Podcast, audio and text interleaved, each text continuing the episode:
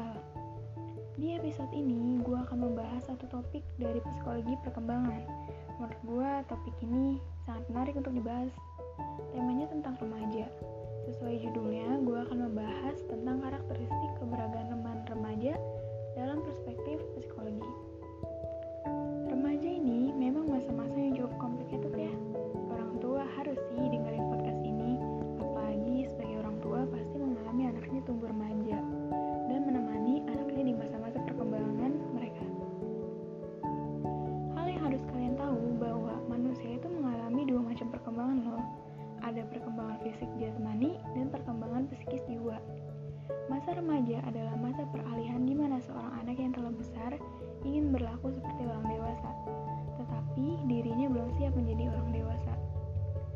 Kriteria remaja pada masa ini bersifat negatif, merasa kebingungan, cemas, takut, gelap hati, bimbang, sedih, dan rasa-rasa minder seolah-olah tidak mampu melaksanakan tugas-tugas yang diberikan kepadanya.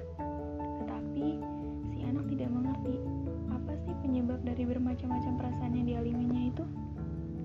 Masa prapubertas adalah waktu terjadinya kematangan seksual yang sesungguhnya, bersamaan dengan terjadinya fisiologik yang berhubungan dengan kematangan kelenjar endokrin.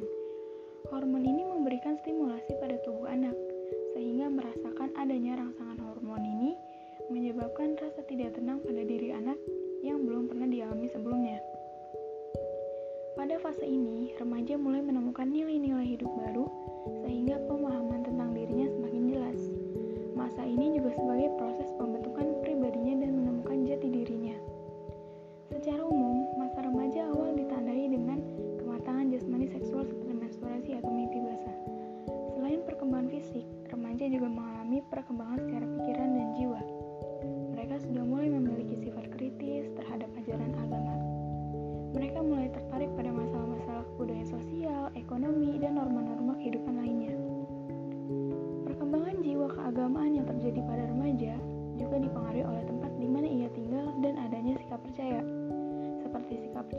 ikut-ikutan dan sikap percaya dengan kesadaran.